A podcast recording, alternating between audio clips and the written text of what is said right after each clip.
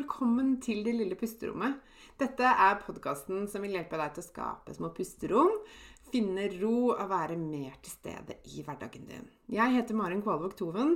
Jeg er barnevernspedagog, familieterapeut og eniagramcoach. Jeg er mamma til to, gift og gründer av Det lille pusterommet.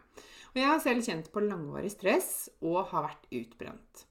Jeg brenner for å hjelpe deg ut av stress og utbrenthet og vise deg hvordan du kan finne ro selv om det er travelt rundt deg. Til daglig så hjelper jeg kvinner ut av utbrenthet og stress gjennom online coaching med min egen utarbeidede pusterommetode og ulike online-kurs. Du vil høre meg reklamere for mine tjenester i denne podkasten. Du vil også i denne podkasten få mine tips, triks og inspirasjon til hvordan du kan skape dine pusterom i hverdagen. Jeg kommer også til å dele egne erfaringer og invitere spennende gjester på besøk. Mer om meg og det jeg kan hjelpe deg med, det kan du lese om på delillepusterommet.no. Det er veldig gøy om du deler at du hører på Det lille pusterommet i sosiale medier, og tagger meg, så jeg kan si hei til deg. Jeg heter Marin Kvalvåg Toven både på Facebook og på Instagram. Her kommer dagens episode. Hei, dette er Marin Kvalvåg Toven, og velkommen tilbake til det lille pusterommet. Eh, denne uka her så har våren kommet. Det har vært helt fantastisk. Og jeg begynner å bli bedre av en veldig langvarig sykdom. som har sittet lenge i. Eh, men det er ikke så veldig interessant. Det som har vært kanskje eh, Eller som jo er mye mer verdt å snakke om, det er at jeg denne uka har vært mamma i åtte år. Og jeg vet ikke om du kjenner deg igjen i det, men tida går jo bare raskere og raskere. Og vips, så har jeg en åtteåring. Og om bare fem dager så har jeg Eller fire dager nå, når jeg spiller inn, så har jeg en eh, Jammen meg en seksåring også. Og jeg vet ikke om du kan kjenne deg igjen, men jeg har det i hvert fall sånn at jeg veldig ofte når barna har bursdag, så går jeg liksom litt sånn automatisk inn i litt sånn refleksjonsmodus og tenker tilbake på disse årene. Tenker tilbake på hvordan vi hadde det da hvordan det var å bli mamma, og ikke minst alt jeg har eh, lært, erfart og opplevd. Altså de siste åtte årene eh, eh, som har vært eh, kjempeverdifullt for meg.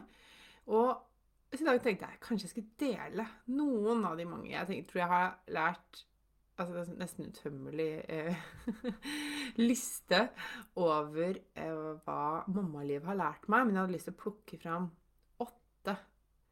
eh, åtte ting i dag. Åtte forskjellige lærdommer som jeg har eh, Som jeg sitter igjen med, og som jeg tar med meg videre, og som har betydd mye for meg. Eh, og disse lærdommene viser jo både litt om hvor jeg var da jeg ble mamma, og hvilken prosess jeg har gått igjennom, kanskje spesielt da, de siste fire årene etter at jeg ble utbrent. Eh, hvor det snudde litt for meg, heldigvis, og hvor mye, mye endret seg. Og en viktig, viktig utvikling skjedde eh, for min egen del. Det første som jeg har lyst til å si, som eh, har sittet, som satt kjempelangt inne hos meg, og som jeg har delt jeg deler i den første podkastepisoden i sesong én. Hvis ikke du har lyttet til den, så kan du gå tilbake og høre på den etterpå. Eh, det er det at jeg har lov til å be om hjelp og jeg har lov til å ta imot hjelp. For noen så kan dette virke som en veldig rar ting å lære, fordi det er helt selvsagt. For meg var det ikke det. Og det har jeg fortalt om før. Og det forsto jeg jo først da jeg ble kjent med meg selv gjennom eniagrammet. Det at jeg ikke hadde lov til, og ga meg selv ikke tillatelse til å ta imot eller be om hjelp fra andre. Det handler om eniagrammønsteret mitt. Eh, som er en helt egen podkastepisode, som jeg snakker om i den første sesongen, som sagt. Men det å faktisk lære at jeg har lov til å be om hjelp fra andre, eller til å ta imot hjelp fra andre, uten at det påvirker min verdi, eh, min selvfølelse, og hvorvidt jeg er god nok som mamma og som menneske. For dette stikker mye dypere enn bare det å, å være um, mamma, men det er liksom meg som menneske, egentlig. Eh, og det har jo hjulpet meg masse, selvfølgelig. Og det å be om hjelp, det at jeg bare det at jeg kan snakke med Anders, mannen min, og si at jeg trenger han til å hjelpe meg med saker og ting. Eh, og det at jeg kan ta imot når noen spør kan jeg hjelpe deg med det. Ja. Og senest denne uka her så ringte jeg til mamma. Vi har ligget brakk og vært syke hele eh, gjengen med omgangssyken. Jeg har hatt en luftveisinfeksjon som har pågått i ukevis. Så jeg har vært litt sånn nede for telling. Og eh, da tenkte jeg nå skal vi ha bursdagsfeiringer en masse her i huset. Vi er fire stykker, tre stykker som har eh, bursdag på eh, ti dager, eller mm, tolv um, dager. Og vi skal ha masse feiringer, selvfølgelig. Jeg ringer mamma og spør om hun kan hjelpe meg med å bake en kake. Det hadde vært helt umulig for meg for fire år siden. Helt umulig. Det var nesten sånn at jeg selv om hun hadde spurt meg, så hadde jeg sagt nei, fordi det var så vanskelig for meg å ta imot hjelp. Takk og lov for at jeg har kommet meg videre. Så det har vært en superviktig eh, eh, lærdom og erfaring for meg å kjenne at det kan jeg faktisk, og det går veldig bra. Det går faktisk bedre. Vi trenger hverandre. Jeg trenger andre. Eh, det er ikke alltid sånn at det trenger å være jeg som hjelper andre. Det kan også gå andre veien. Så det er fint. Og så er det punkt nummer to. Og det er at selv om jeg er mamma og ansvaret for to barn, sammen med mannen min, vel å merke, så kan jeg vise følelser, også vanskelige følelser, overfor barna mine. Jeg trenger ikke å ta meg sammen hele tiden. Jeg trenger ikke å vise at jeg eh, at jeg mestrer alt, eller at, jeg, at, ingenting går inn på meg. Snarere tvert imot. Jeg tenker at det er faktisk ganske viktig at jeg viser barna mine at jeg både blir lei meg, jeg kan bli sint, jeg kan bli sliten, jeg kan bli irritert, frustrert. Ikke sant? Eh, alt dette her. Fordi når jeg viser dem det, så viser jeg det for det første at det er normalt. Det er ikke farlig. Det hører med til livet. Og de kan også få lov til å ha alle disse følelsene i livet sitt. Um, og komme deg gjennom det. Og at det er en del av det å være menneske. Så jeg er nok en mamma som, som er ganske sånn transparent på en del ting, uten at eh, jeg tror at det bikker over til at det blir for mye. Men de har sett meg gråte, de har sett meg sint, sett meg eh, Jeg har sagt at jeg kan bli lei meg hvis de sier noe som sårer. Eh, jeg kan si at nå trenger jeg eh, å hvile litt, for nå er jeg litt sliten. Eller nå er jeg veldig trøtt, for nå har jeg sovet for lite. Så da trenger jeg en pause. Eller et eller annet sånt. Og selvfølgelig så deler jeg også når jeg blir glad. eh, og når jeg syns det er morsomt. Og de gode følelsene også. Men det er liksom ikke så vanskelig å vise barna. ikke sant? De gode følelsene. Det er, det de vanskelige følelsene. Jeg kan faktisk vise det. Jeg trenger ikke å være en sånn eh, perfekt eh, Nei, det er ikke perfekt engang. Jeg har ikke lyst til å bruke det ordet. Men en som liksom bare ser ut som fikser alt til enhver tid, og ingenting går inn på meg. Har lyst til at barna mine skal erfare at de også kan eh, ha alle disse følelsene. Eh, noen ganger samtidig, til og med.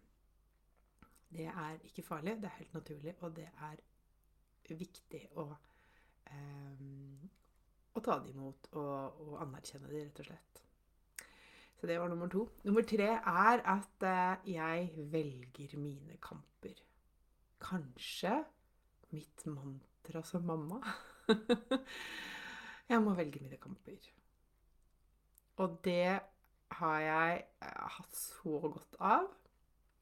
Fordi jeg tror nok, hvis jeg ser tilbake på liksom den første tiden min som mamma, så tror jeg at jeg var veldig sånn At jeg liksom skulle være så påkobla alt hele tiden.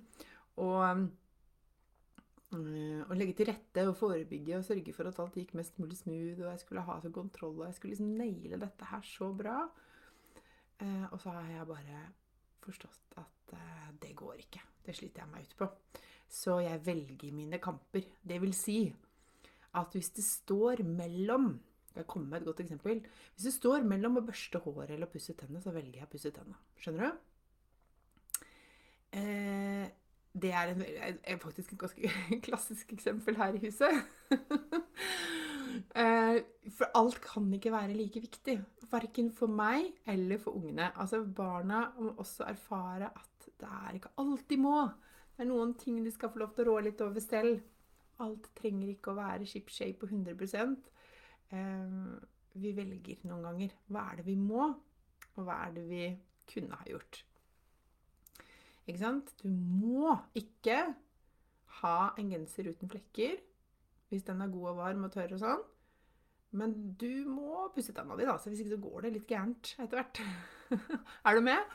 Det, er liksom, det fins ganske mange sånne i løpet av en vanlig dag, i hvert fall hvis du har barn som ikke er så store. Så er det en del sånne kjepphester du kan ri hvis du vil. Hvis du har lyst til å ta alle kamper, så gjør du det. Men da må du vite at det er det du gjør. Og så må du også vite at det for det første kan koste deg veldig mye energi, og så kan det også gjøre at eh, barna dine blir litt sånn Kanskje føler at de ikke har noe de skulle sagt. Jeg tror kanskje det er litt godt for ungene også å få testet litt selv. Merke at de blir kalde på øra når de ikke har på seg lue, da. Ja, det er ikke helt ideelt, kanskje. Men øh, jo, kanskje det er litt ideelt allikevel, fordi at, fordi at på et eller annet tidspunkt så skal de ta disse avgjørelsene selv. Og hvis vi har liksom gjort alt for dem og liksom ikke gitt oss på noen ting, så får de aldri følelsen av å rå over noe som helst. Eh, og det tror jeg ikke er så bra for de heller. Eh, og, og når barna krangler, f.eks., så kan jeg velge på hvilket tidspunkt jeg skal blande meg inn. om jeg skal blande meg inn. Det er mye de skal lære. De skal lære det òg, vet du.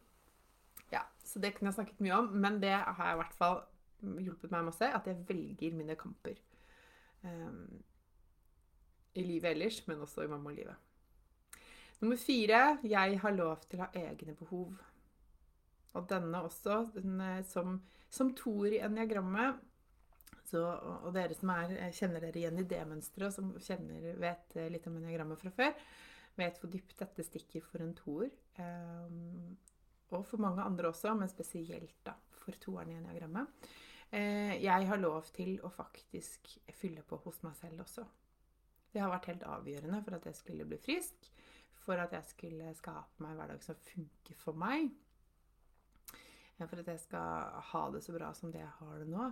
Jeg har lov til å ha egne behov, og det kan være i smått og stort. Det kan være at jeg har behov for å få nok søvn, eller det kan være at jeg har behov for å drikke opp tekoppen min eh, før jeg går videre. Eller det kan være at jeg har behov for å komme meg litt bort innimellom og gjøre noe annet enn bare å være mamma.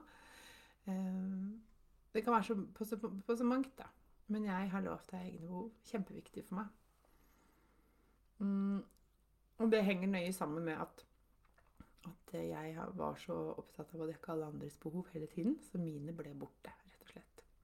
Sånn er det ikke lenger, da. Heldigvis. Det er jeg glad for. Det tror jeg er bra for barna mine også. Og så er det nummer fem, og det er at eh, Som jo henger litt sammen med nummer fire, men det er at barna mine faktisk har det bedre når jeg har det godt med meg selv. Og veldig ofte så hører jeg, og kanskje har du sagt eller hørt dette selv, Eh, jeg har det bra når, eh, når, de rundt meg har det bra. Det hører jeg ganske ofte. Det er en litt sånn typisk ting som, som mammaer sier, føler jeg. Menn kan også si det, for all del. Men, men jeg har hørt det ganske mange ganger. Men jeg tror at det er eh, kanskje en sånn noe som kan være fort å si uten å egentlig tenke over hva det betyr. For at, Sånn er det i hvert fall for meg. Da. Det har jeg jo skjønt selv. For jeg kunne også sagt det selv. Og det tenkte jeg da jeg ble mamma, at det var egentlig det viktigste for meg. Det var at de rundt meg hadde det bra, for da skulle jeg også ha det bra. Og så ble ikke det helt sannheten. Det, ikke, det var ikke sånn det blei. For det er faktisk sånn at barna mine har det bedre når jeg er på et godt sted. Ikke bare fordi det smitter over de, på de, men jeg har så mye mer å gi, og jeg klarer å være så mye mer til stede. Og det merker de. De avslører det vet du, med en gang. Og, og, og, trenger at jeg har fylt på hos meg selv. Og jeg syns jo det er mye gøyere og mer eh, meningsfullt å være mamma når jeg er på et godt sted, selvfølgelig. Eh, så det er liksom å snudd litt på den der sannheten om at jeg har det bra når de rundt meg har det bra, men de rundt meg har det faktisk bra når jeg har det bra også. Så det kan være liksom viktig å minne seg selv om noen ganger, tror jeg. Nummer seks. Min selvfølelse er ikke avhengig av hva andre tenker om meg som mamma. Og den, sånn, den er litt sånn vond fordi Eller den er ikke vond, men, men, men utgangspunktet for den er litt vond. fordi jeg, når jeg ser tilbake nå, så tenkte jeg jeg var så opptatt av at jeg sa det eller noe sånt. Men jeg var veldig sånn Hva tenker de andre mammaene spesielt, da, om meg? når jeg leverer i barnehagen nå. Hvordan ser dette ut når vi kommer ut døra? Og vet du hva? Det har jeg slutta å bry meg om, og det er ganske deilig.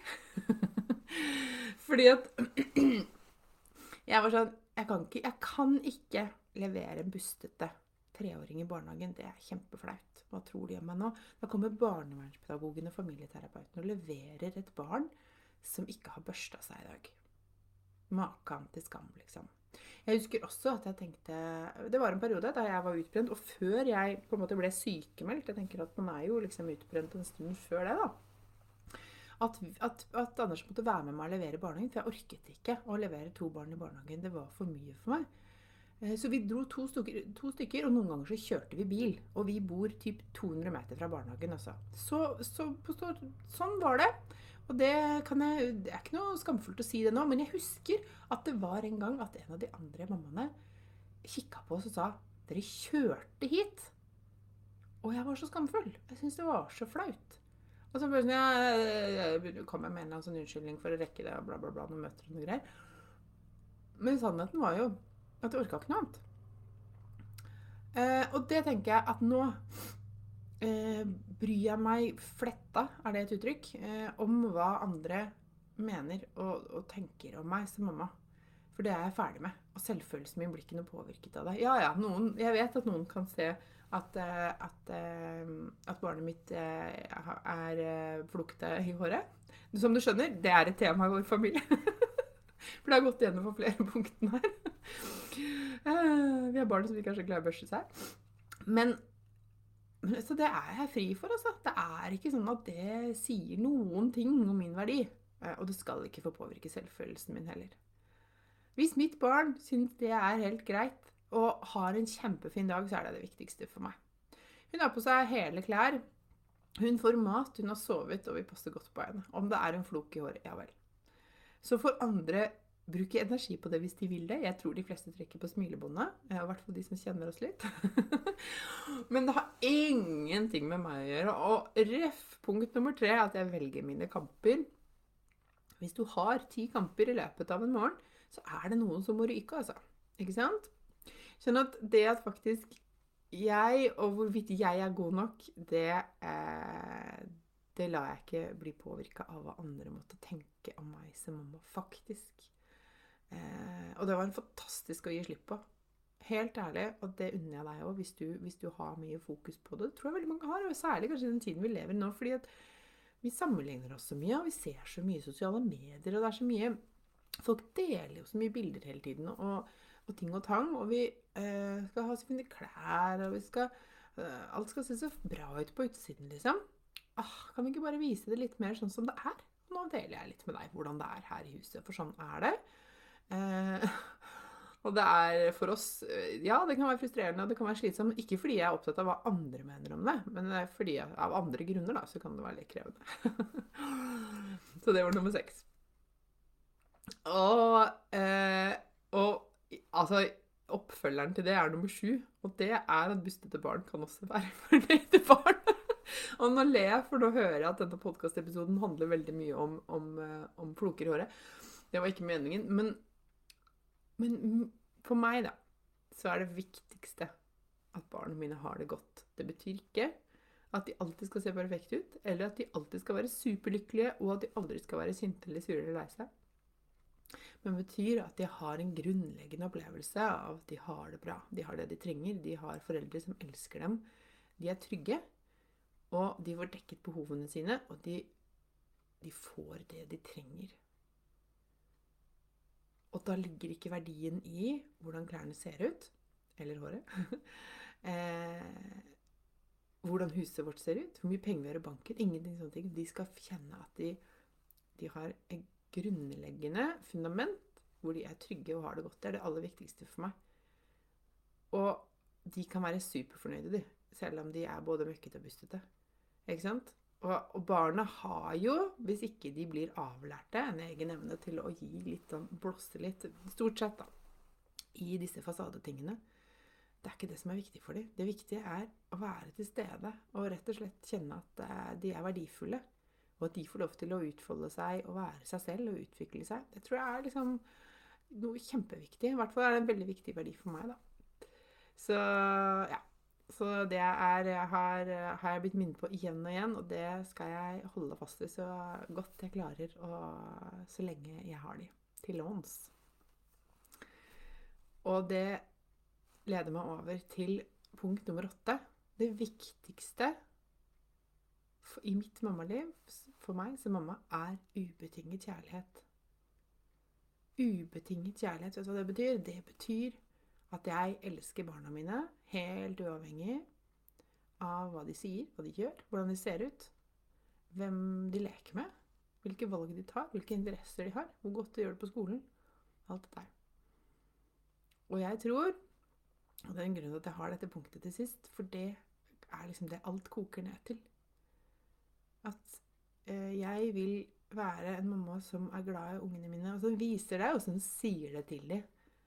Og jeg prøver å huske på, særlig hvis det har vært krangling, eller hvis det har vært dårlig stemning, eller vært vanskelige situasjoner, å si at jeg er glad i deg uansett. Jeg kommer alltid til å være glad i deg. Jeg er like glad i deg selv om jeg ble sint i stad, selv om du var sint på meg. Uansett hva som skjer, så kommer jeg alltid til å være glad i deg. Hvis det er én ting og Nå er jeg nesten klump i halsen, dere. Hvis det er én ting jeg vil at de skal sitte hjemme med, å se tilbake på, så er det det. Mamma var glad i meg uansett. Og da kan jeg også være glad i meg selv uansett. Det håper jeg virkelig at de eh, kan, eh, kan kjenne på og ta med seg videre i sitt eget liv. For når alt kommer til alt, så går det meste greit hvis vi bevarer kjærligheten til oss selv, til hverandre og hvis vi lærer barna våre å bli skikkelig glad i seg selv, så tror jeg veldig mye annet kommer til å gå bra. Eh, det er i hvert fall min filosofi, da. Så kan du kanskje være uenig i det, men det er liksom eh, Det er det alt kommer, koker ned til. Til, til syvende og sist så er det den ubetingede kjærligheten. Og den ubetingede kjærligheten eh, er jeg opptatt av å vise meg selv også. Så det går jo begge veier. Og jeg tror den er mye lettere å vise ungene når vi har den til oss selv. Sånn at når jeg fikk jobbet med min egen selvfølelse og min egen opplevelse av at jeg er god nok sånn som jeg er, så er det mye lettere for meg å kommunisere det videre til dem også. Yes. Det var åtte av de tingene jeg har lært av å være mamma. Uh, og jeg vil veldig gjerne høre fra deg. Har du, er det noe av kan du kjenne deg igjen i noe av dette? Eller um, eller er det noe noe du har lært som jeg ikke har nevnt i dag, så vil jeg veldig gjerne høre fra deg. Send meg gjerne en melding på Instagram, på Facebook. Eh, hvis ikke du følger meg der, så hopp inn der og følg meg der, for da deler jeg litt smått og stort fra hverdagen min. Eh, du finner meg på Det lille pusterommet både på Facebook og på Instagram, forresten. Og så kan vi jo fortsette samtalen der. Så håper jeg at du hadde nytte av å høre noe av det jeg har lært. Eh, nå blir det både familieselskap og det blir barnebursdag eh, ganger to framover. Så her skal det bakes og ryddes og gjøres klart. Eh, det blir stas. Jeg håper at du tar godt vare på deg selv inntil vi snakkes igjen. Og send meg en melding da, hvis det er noe du har lyst til å dele med meg, eller noe du lurer på, eller har lyst til at jeg skal dele med podkasten. Det kan du også gjøre.